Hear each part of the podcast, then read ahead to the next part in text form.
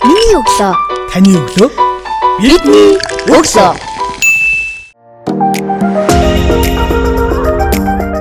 Сонсогч та бүхэнд шинэ 7 өдрийн өглөөний мэндийг хүргэе. Миний өглөө сургууль подкастын ээлжид дугаарт гадаадд төгсөгч нэгсэн зөвлөлийн тэргүүн хосгүй оролцож байна. Танд шинэ өглөөний мэнд хүргэе. За өглөөний мэнд хүргэе залуусаа.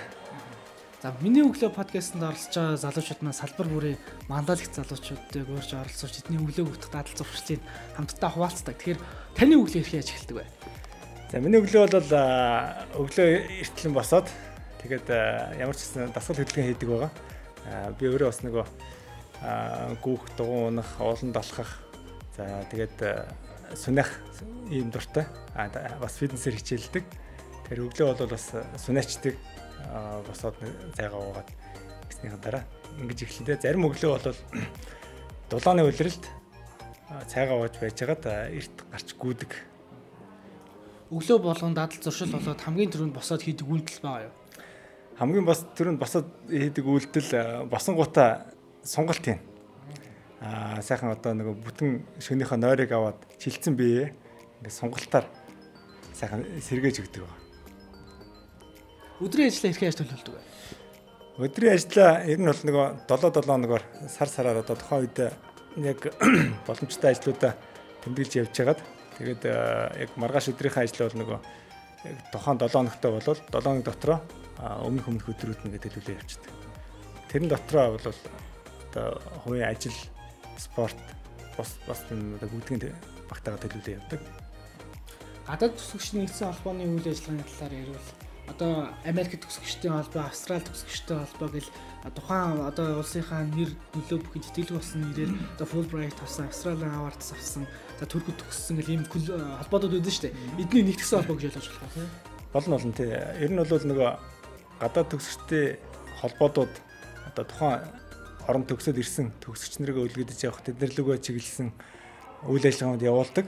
Аа тэгээд э, тэр холбоонуудын аа өөрсдийнх нь үйл ажиллагаанд илүү үр дүнтэй явуулахын тулд холбоонууд бас тодорхой хэмжээгээр нэгдэж хамтарч ажиллаж эхэлсэн байгаа нэлээд хэдэн жилийн өмнөөс. Тэгээд э, ууган холбоонууд болох одоо аа, Орос, Герман Аа, одоо хятад солонгос гэх мэт ийм орны холбоонууд анх санаачлаад одоо төвөрч байд юм уу тийм ээ. Арай олон төгсөлтэй холбоонууд санаачлаад хоорондоо ингэж нэгдэж үйл ажиллагаагаа харилцаа уялдаа холбоотой явуулсан дээр юм байна гэсэн ийм санаа гаргасан байгаа анх. Та яг одоо ямар ажлаар төвлөрч ажиллаж байгаа вэ? За одоо э, яг гадаад төгсөлтний нэгдсэн зөвлөлийн үед бол бид нэр бас томоохон ажлууд хийдэг. Энэ жил ковид гэдэг нэлээд хэдэн ажлуудаа шахаж явж байгаа. Одоо 11 сарын 7-нд хагасан өдөр бид нэр хөдөлмөрийн яармаг карьер экспо нэрээр зохион байгуулж э, худалдаа аж үйлдвэрийн танхимд бэлтгэлээ ингээд хангаад явж байгаа. Карьер экспо нь бол одоо 2005 оноос ахуулаад гадаад төгсөгчдөд зориулж анх Монгол Германы гүүрээс э, санаачлаад сүүлдээ бол а Японд төгсдийн Жугама холбоос ингэж төгсөгчний job fair хийж ингэж явж байсан. Одоо энэ хөдөлмөрийн яармуудаа бид нэгтгэхэд арай илүү илүү өргөн хүрээтэй бүх төгсөгчдийг хамарсан залуучуудад нээлттэй ингэж явуулж байгаа. Мэргэжлийн байгууллагатай хамтраад. Таны хувьд Турк төгссөн тий? Миний хувьд төрөхөд төгссөн те. Ямар мэрэгчлэр? Олон улсын харилцаагаар төгсөжсэн. Монголдоо бас энэ мэрэгчлэрээр төгссөн үү? Мэрэгчлээс. Аа Монголд бол би юу яаж санд Монгол улсын их сургуульд эдийн засгийн сургуульд тухай сурж агаад тэгээд аа, мастер бакалавр гээд Туркид аа, энэ өөрийнхөө мэрэгчлэр сурч ирсэн. Гадаадд төгсөөд ирсэн оюутан залуучдын тулгамдаг томоохон асуудал бэрхшээл нь бол а, нэг а, чадварлаг мэрэгчлэлтэн боловсруучсан болж бэлтгэгдээд эх орондоо ирдэг боловч яг нарийн мэрэгчлэр нэгс нэ манай хөдөлмөрийн зах зээл дээр тэдгэрийг авахд яг тэр а, ажлын байр, цалин хүнс гэл хамт олонний уур амьсгал одоо долоон ногтон тогтмол хийдэг активити гэл их олон шалгуур үзүүлэлтээр бол ундаг талууд байдаг л да. Одоо юу штэ. Хүний нөөц нөгөө компани удирдах талдаа шүү. Үнэхээр гадаад сурвалж төгсөөд мэрэгчлэн болоод ирсэн чадварлын залуучууд маш их байгаа. Тэгэнгүүт энэ дээр эх орон дээр ажиллах гэхээр орон зай гэдэг юм уу, нарийн мэрэгжлийн чиглэлээр мэрэгжлийн эрэлт хэрэгцээ нь бага болоод ирэхээр буцаад нөгөө орн руу ажиллахаар явдаг ч юм уу. Тийм асуудалтай найз нөхдүүд нэлээдгүй миний хүрээлт бол байдаг. Тэгээ энийг яаж зохицуулж байна? За ер нь бол одоо энэ асуудал бол бидний одоо манай байгууллагын хамгийн чухал асуудлуудын нэг. За яг тэгэхээр гадаад ингээд сураад амьдраад ирсэн залуучууд бол маш хөрөнгө оруулалт хийгдсэн байж байгаа. тухайн оронд очиод одоо тэтгэлгээр явсан ч вэ, хувийн зарлаар сурсан ч вэ. Яг тэр хүнд бол зориулагдаад сургалтын төлбөр төлөгдөж яадаг, байрны төлбөр төлөгдөн, хоол хүнсний төлбөр байна. За дээрэс нь залуучууд маань ингээд давхар сурж байхын хажуугаар ажил хийгээд нэлээд ажил амьдралын туршлагатай болцсон байдаг. Аа тэгэхээр бид нэр ингээд яг энэ ямар залуучуудад ямар асуудал тулгараад байна гэдгийг ингээд харахад бол ерөнхийдөө нөгөө нийгэм болон хөдөлмөрийн зах зээлийн асуудлууд байгаад байдаг. Тэгээ тэр нь бол нөгөө нэг ямар оронд сурснаас бас шалтгаалдаг. Өндөр хөгжилтэй оронд сурсан бол нэг арай өөр аа арай хөгжил бүр оронд сурсан бол бас нэг өөр. Тэгээ дээрэс нь бакалаврын оюут юм уу эсвэл нөгөө нэг мастрын оюут юм уу тэрнээс бас шалтгаална. Бакалаврын оюутнууд бол хайцсангуй ингээ Монголдо ирээд дасан зохичих чадвар өндөр байдаг. Ягаад гэх юм бол гэр бүл байхгүй.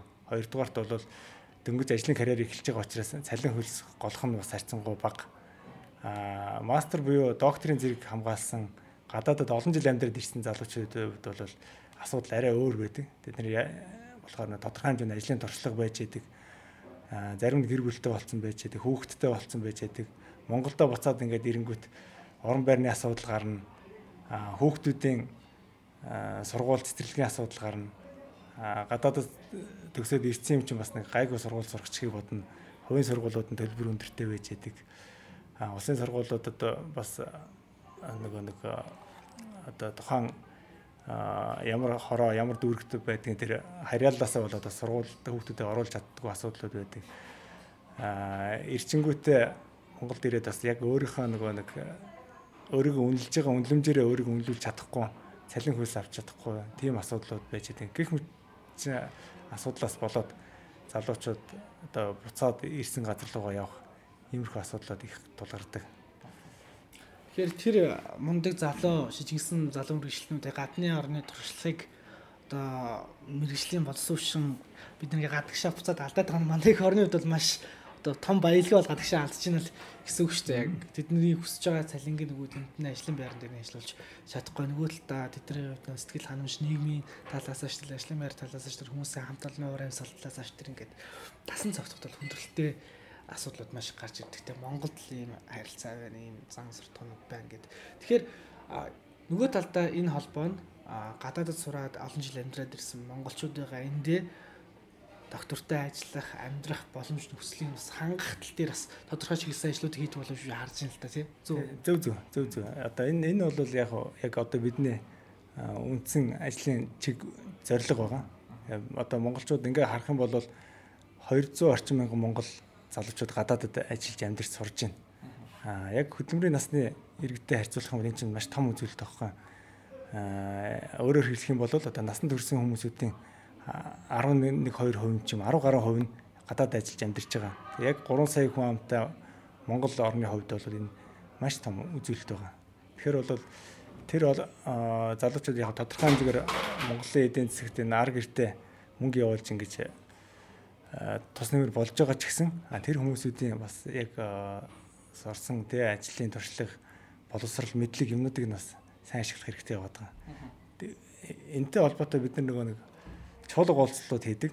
Гадаад төгсөгчдийн чуулга уулзалтууд. За 2018 онд анх байгуулагдахтаа манай Монгол оюуныг Монголын төлөө гэсэн уран дөр чуулга уулзалтаа хийжээ. Энэ бол яг монголчуудыг бол а яг өндөр ингээд бүтээмжтэй гадаад ажиллаж амьдарч байгаа залуучуудыг эх орлогоо татах нь бол мэдээж биднэрт бол маш сайн. А хэрвээ хувь хүний л асуудал юм чинь тэр хүн ирж чадахгүй байлаа ч гэсэн тэр хүний оюуны потенциалыг бас Монголын төлөө ашиглах хэрэгтэй болоо гэсэн тийм бодолтой байдаг. За хоёрдугаарт нь бол нөгөө нийгмийн асуудлуудыг нь шийдэх мэдээлэл мэдээлэл өгөх, ажлын байранд зурчлах, за хөдөлмөрийн яармаг зохион байгуулдаг. Энэ бол улам бүр ингээд өргөжөөд ингээд явж байгаа. Томоохон аж ахуйн нэгжүүдтэй шууд ингээд уулзаад хүссэн ажилдаа орох ийм боломжийг нээж өгч байгаа. Ялангуяа энэ жил ковид-19-г цар тахлын үеэр маш олон монголчууд залуучууд Монгол руу буцаж ирсэн байгаа. 12 мянга гарan иргэнийг одоо ковид үеэр наашаа их орлогоо татаж авсан ийм судалгаа байгаа. Өнөөдрийн хүртэл тэр энэ 12 мянган иргэн бол тухайн орондоо ажил амьдралаа өргөжлүүлэх боломжгүй болоод одоо Монгол руугаа ирсэн ийм залуучууд байгаа. Тэгэхээр энэ залуучуудыг бид нар маш сайн өдгөдөж аваад ажил амьдралд нь ингээд зөөчилж оруулж өгөх юм бол бидний ажлын нэг зорилго бас биелэх болов уу гэж бодоод. Таны зүгээс хувь хүнд байх хэвээр хамгийн чухал гурван чадварыг нэрлээч гэвэл та яг ямар гурван чадварыг нэрлэх вэ? Яагаад энэ гурван чадварыг сонгож байгаа вэ? За бидний хувьд бол монголчуудын хувьд бол бас ажил хэрэгч байдал дээр өнөөгийн ажил амьдрал дээр тулгамддаг асуудлуудаас ингээ харах юм бол дараах чадруудыг нэрлэмээр байна. Нэгдүгürt нь бол хариуцлагатай баймаар байна. Хариуцлагын хариуцлагын тогтолцоо бол Монголд ер нь алдагдсан. Ялангуяа залуучуудад бол хариуцлагын асуудал ярихад тун бэрх. Аа хоёрдугаарт цаг бас маш сайн баримталж сурмаар байна. Одоо бид нар чинь маргааш гэдэг нэг цаг хугацааны ойлголттой. Аа цагийн хувьд бол үдээс өмнө үдээс хойш гэсэн ийм хоёр цаг цагтаа ингээд яваад байдаг. Цаг товлолоо гэхэд хүмүүс ингээ хоцроод ирдэг. Хоцорч ирэнгүүтээ оо Монголын цагаар ирлээ штэ. За төгжрэлтэй л байсан юм чи гэж. Яг магадгүй төгжрөх нь бол а одоо аргагүй өнөөдөр ихэд хагасаа бүтэн сайн гэхэд л одоо төгжрэлтэй биш үү амралтын өдрүүдээр ш төгжрээ байна. Өмнө нь бол тийм байдгүйс ажлын өдрүүдээр өглөө орой төгжирдэг байсан бол өдрийн цагаач гэсэн бас төгжирдэг болчиход байна. Тэгэхээр энийг бол төгжрээ угаасаа байгаа юм чинь залуучууд цаг төлөвлөлтөө зөв хиймээр байна одоо би нэг газараас нэг газар руу явлаа гэхэд за алхаад 30 минутанд очих газрыг заавал ягаад нэг цаг явж төгжирч очих ёстой юм байна. Тэгээ очисон хойноо зогсоол хайж бас ягаад 15 минут явах ёстой юм байна. Ясны бодгол асуудал. 3 дугаарт нь манай Монгол залуучуудад яг үндэ ингэж хэлэхэд бол бас яг хэлсэн үгэндээ бас байж сурмаар байгаа даа. Тий. Тэгэхээр ингээ ажил ажлыг ингээд эхлүүлсэн бол ажилдаа ингээд өөрийнхөө юмд эзэн болоод одоо яг хэлсэн ярьсан шиг дуусгадаг ийм зан чанар бас жоохон дутмаг юм болоо гэж харагдаад байдаг.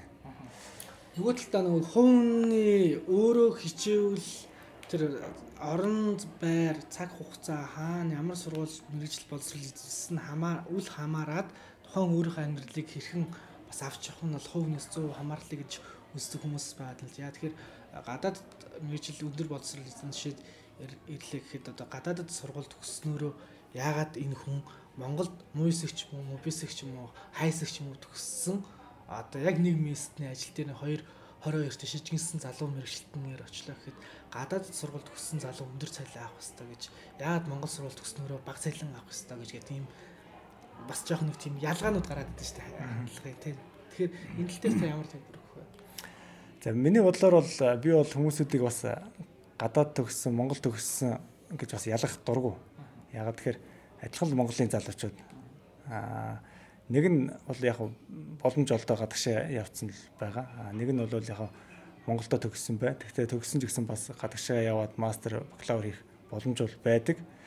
А хов хүний хувьд бол хүний одоо багасаа төлөвсөн зан чанар хов хүний төлөвшил бол одоо гадаад төгссөн ч бай, дотоод төгссөн ч бай, ерөөсө тэр хүн ямар байсан тэр чигээрэл байдаг өөрчлөгддөг яг жоохон мэдлэг мэдээллийн хувьд бол зөв буруу юм бас байдаг баг. А энэ түрүү нөгөө нэг өөрийгөө үнэлүүлэх асуудлыг ярьсан те. Энэ энэ асуудал дээр бол гадаад төгсөд ирсэн залуучууд арай өндөр хүлээлттэй байдаг нь юунаас үүдэлтэй вэ гэхээр миний бодлоор бол одоо монголчууд чинь гадагшаа хөвгтөө явуулж сурахын төлөө аав ээж нар хуруу мсаа угдан барин гэд олсон хэдэн төгрөгөө ингээд нэг нөгөө зарцуулж штэ. Хувийн сургуульд явуулахын тулд. За мэдээж яг засгийн газрын тэтгэлгээр явж байгаа хүүхдүүд байгаа. Энэ бол бас тустай асуудал. А гэхдээ ер нь гадаад байгаа хүүхдүүдэд бол тухайн хүүхдийн арга гэрээс бол нэлээх хэмжээний мөнгө ингээд зарцуулагдж байдаг. Тэгээ нөгөө хүүхд чинь ер нь бол мэдж байгаа шүү дээ. Би ийм их мөнгөөр ингээд сураад ирсэн. Тэгтэл би тэдэн төрлийн цалинтай яаж амьдрах юм бэ? Яаж ажиллах юм бэ гэсэн бодлоос үүдд юм уу гэж боддог. Тийм. Хүлээлт бол их байгаа цалингийн тал дээр тийм ээ Яа тэгэхээр би өдөө чинь одоо гэр орон байр суцаа ээж аавынхаа цалин хөлсийг зарцуулан байр надад өгсөн мөнгөөр гадаад дөндөл боловсрол эзэмшчихэд одоо магадгүй Харвард ч Оксфорд сурчаад Монголд ирээд яг л энд мөсөг төгссөн хайсыг төгссөн хүнтэй адилхан цалин аваад хараад хэцүү байна гэдэг юм хандлагын асуудал яригдчихэж байгаа. Тий, тийм байгаа. Тэгтээ бол бас ер нь одоо монголчин хөгжиж байгаа орны хувьд Монголд бол болцоо маш их байгаа залуучууд та. Залуучууд хандаж хэлэхэд одоо хөгжөөд одоо тодорхой хэмжээнд хүрсэн одоо Японч байдаг юм уу? Европын орнууд ч байдаг юм уу? Ийм орнуудад ингээд очиод ингээд бизнес эрхлэгч байд юм уу? Ингээд үзэхэд бол яг зах зээл нь нэлээд хомигдмал бүхэн байр сууриа олчихсон ийм байдаг. Аа үнэхээр л одоо бусдаас гой донцгол биш юм бол а Монголд бол ингээд бүх салбар хөгжиж шүү дээ. Уул уурхаагаад байгаа. Цаашдаа ч энэ уул уурхаа бол эдийн засгийн тэргүүлэх байр суурьтай салбар хэвээрээ байх бах. Тийм болохоор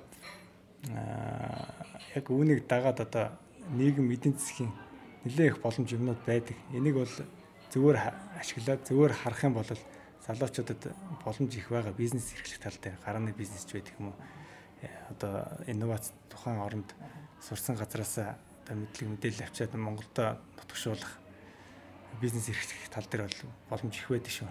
Одоо чинь хятад төгсөгчтэй холбооныхан ч юм уу хятад төгсөгчтэй холбооны одоо бизнес эрхлэлтэй бас юм клуб группуд бас байдаг юм л л дээ өрөөллөөрээ одоо Шанхай төгсөгчд одоо хаан төгссөн тий. Тэгээд хамтдаар хамтарч бас бизнес хийдэг яг тэр шиг одоо гадаадд төгсөгчдийн одоо энэ холбооны хувьд гэх юм бол дэлхийн улс орон бүртэл төгсөөд ирсэн залуучууд бол энэ холбооны гишүүн байгаа. Тэгээд хамтарч бас бас бизнес эрхэлдэг байх тийм. Аа ер нь яг манайх нөгөө олон холбоонуудыг нэгтгэсэн болохоор нэг арай жоохон аа одоо яг төгсөгчд хоорондоо тийм нэгт уялдаатай юм бол ховор аа түрүүн хэлсэн нэг хятадууд бол нэлээд олон сургууль байдаг хамгийн олон оюутан сурж байгаа улсуудын нэг Тийм болохоор нөгөө нэг яг тухайн улсынхаа хот хотын төгсөгчдийн холбоонууд бас байдаг. Тэгэхээр тэр төгсөгчдийн холбоонууд нь хот хотоороо байж байгаа хүмүүс чинь оюутан байхдаа нэг цуг цаг зав өнгөрөөцөн байдаг. Би нэг илүү сайн мэддэг. Энэ тал дээр одоо нийлж бизнес эрхлэх нь арай өндөр байд юм уу гэж боддгийн. Аа Монголтой харилцаа өндөр улсуудын хувьд бол хоёр орны хооронд худалдаа эдийн засгийн хамтын ажиллагааны тэнхмүүд байдаг. Тэгээ энэ тэнхмүүдээр дамжуулаад бас тодорхой хэмжээний одоо бизнесийн явуулалтаа бизнесийн үйл ажиллагаанд бас явагдчихэдэг. А ер нь бол одоо гадаад төгсөөд ирсэн залуучууд бол тухайн орнд төгсөөд ирсэн хүмүүсүүдийн хувьд Монгол тэр өөрийн төгссөн орн хоёрын хооронд бол ер нь гүүрэн болж өгч яадаг. Тэгэхээр бол одоо ингээд нэг нислэгийн ингээд одоо график ингээд харах юм бол Монголоос ингээд гараад ийшээ сум заагаад ийшээ сум заагаад ингээд тийм юм байдаг дээ. Тэрнтэй адилхан одоо Улаанбаатартай Улаанбаатарыг ингээд Монголын ингээд гадагшаа холбосон ингээд маш олон гүүр байгаа даа байхгүй. Энийг бол бид нэр залуучуудын хувьд төгсөгчтэй хувьд маш зөвөр ашиглаж сурах хэрэгтэй. Монголчууд ярьдэн штэ аавын бие хүнтэй санал тахны бод газар үсгээд те. Тэгээд ганц бие татлаа төтлөгүй байгаад яриа гадагшаагаар юм үз нүд тайл хүү амтнтай дэлхийн залуучуудаа танилс гадагшаа яв. Би бүр ингээд байрны лизэн 8% машины үр гэж ингэж нэг юм Монгол залуучдын мөрөдлөг ийм хилжин болцсон байна тий. Энийхээ оронд зүгээр тэг хямдхан чамаагүй зардлаар гадагшаа гараал ингээл аял гадны улс орнуудаар очиж хүмүүс гэдэг тийм зөвлөгөөнүүд маш сонсч ирсэн л да. Юу н гадагшаа гадны оронд суралцаад хүн юу олд юм бэ? Ер нь хамгийн түрүүнд өөрийг нээдэг, өөрийгөө мэддэг гэж бодож байна.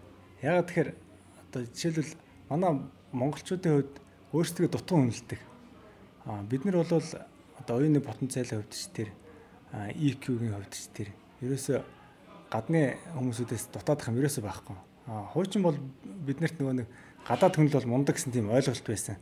Гадагшаа явсан хүн л мундаг гэсэн ойлголт байсан болвол одоо бол а Монголдо сууж хагаад бүх юмыг гар утснаас хараад мэдээд бүх мэдээлэл авах боломж байна.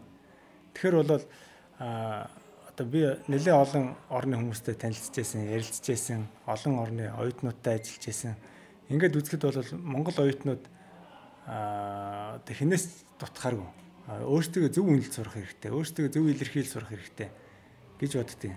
Тэгэхээр бол аа гадагшаа явж юм үзэхийн хувьд бол манай монголчууд ч одоо ингээл жишээлбэл солонгос руу хамгийн хүн явж ажил ажил хийж амьдарч байна. 40 гаруй мянган хүн ойролцоогоор 45 мянган орчим хүн ажиллаж байна. Энэ хүмүүс маань ямар ч хэл мэдэхгүй ингээл очиод тэгэл очисон газараа ажиллаа хийгээл ер нь хамгийн сайн ажилтан болсон байдаг шүү дээ ер нь.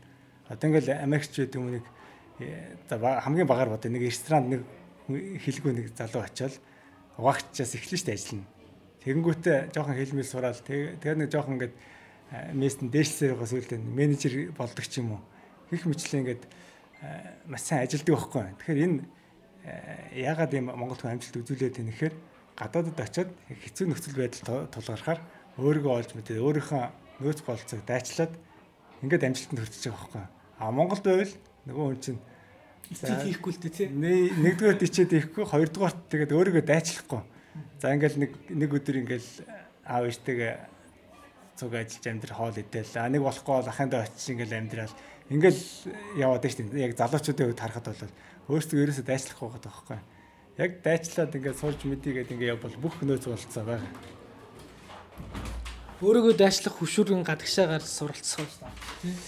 Харин тий одоо ганц суралцах биш одоо ажил хийж байгаа ажил хийж гадаад очиж ажиллаж амьдарч иж яг нөгөө нэг хөдлөл ам тусна гэдэг энэ зарчмууд дээр ингээд тулгуурлаа энэ яг өөртөө ирэхэр л хүн чинь яг мэдрээд хийж байгаа байхгүй нохоо хамартаа өрөхөр ус гэдэг шиг одоо яг ингээл би чадахгүй гэж бодож байсан бол гадаад очиод нэг ажил дээр очил хийхээр тэр чадж байгаа байхгүй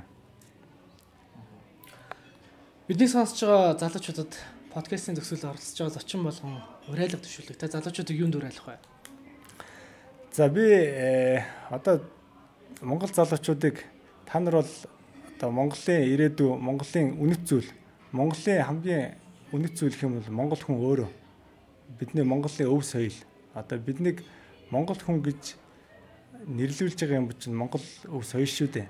Тэгэхээр одоо төр засгаас ч гэсэн одоо 2050 алсын хараа гэдэг урт хугацааны хөгжлийн бодлоготой Монгол хүнийхээ үн цэнийг үн цэн дээр тулгуурласан ийм бодлого явуулсан байгаа.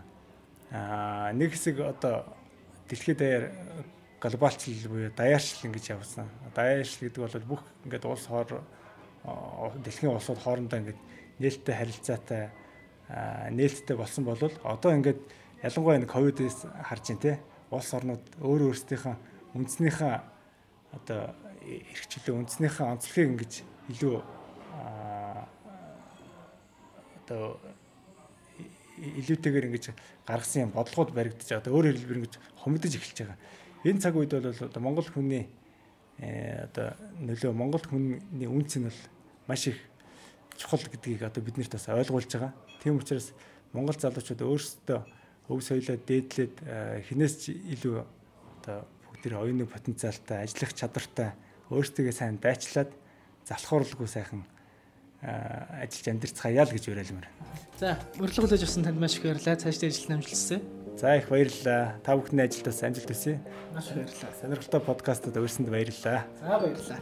Эрхэм сонсогчдоо миний өглөө сурал подкастын шинэхэн дугаар та бүхэн түрлээ. Эх 7 өдрийн даваа гарагт миний өглөө подкастын дараагийн дугаараар уулзцгаая.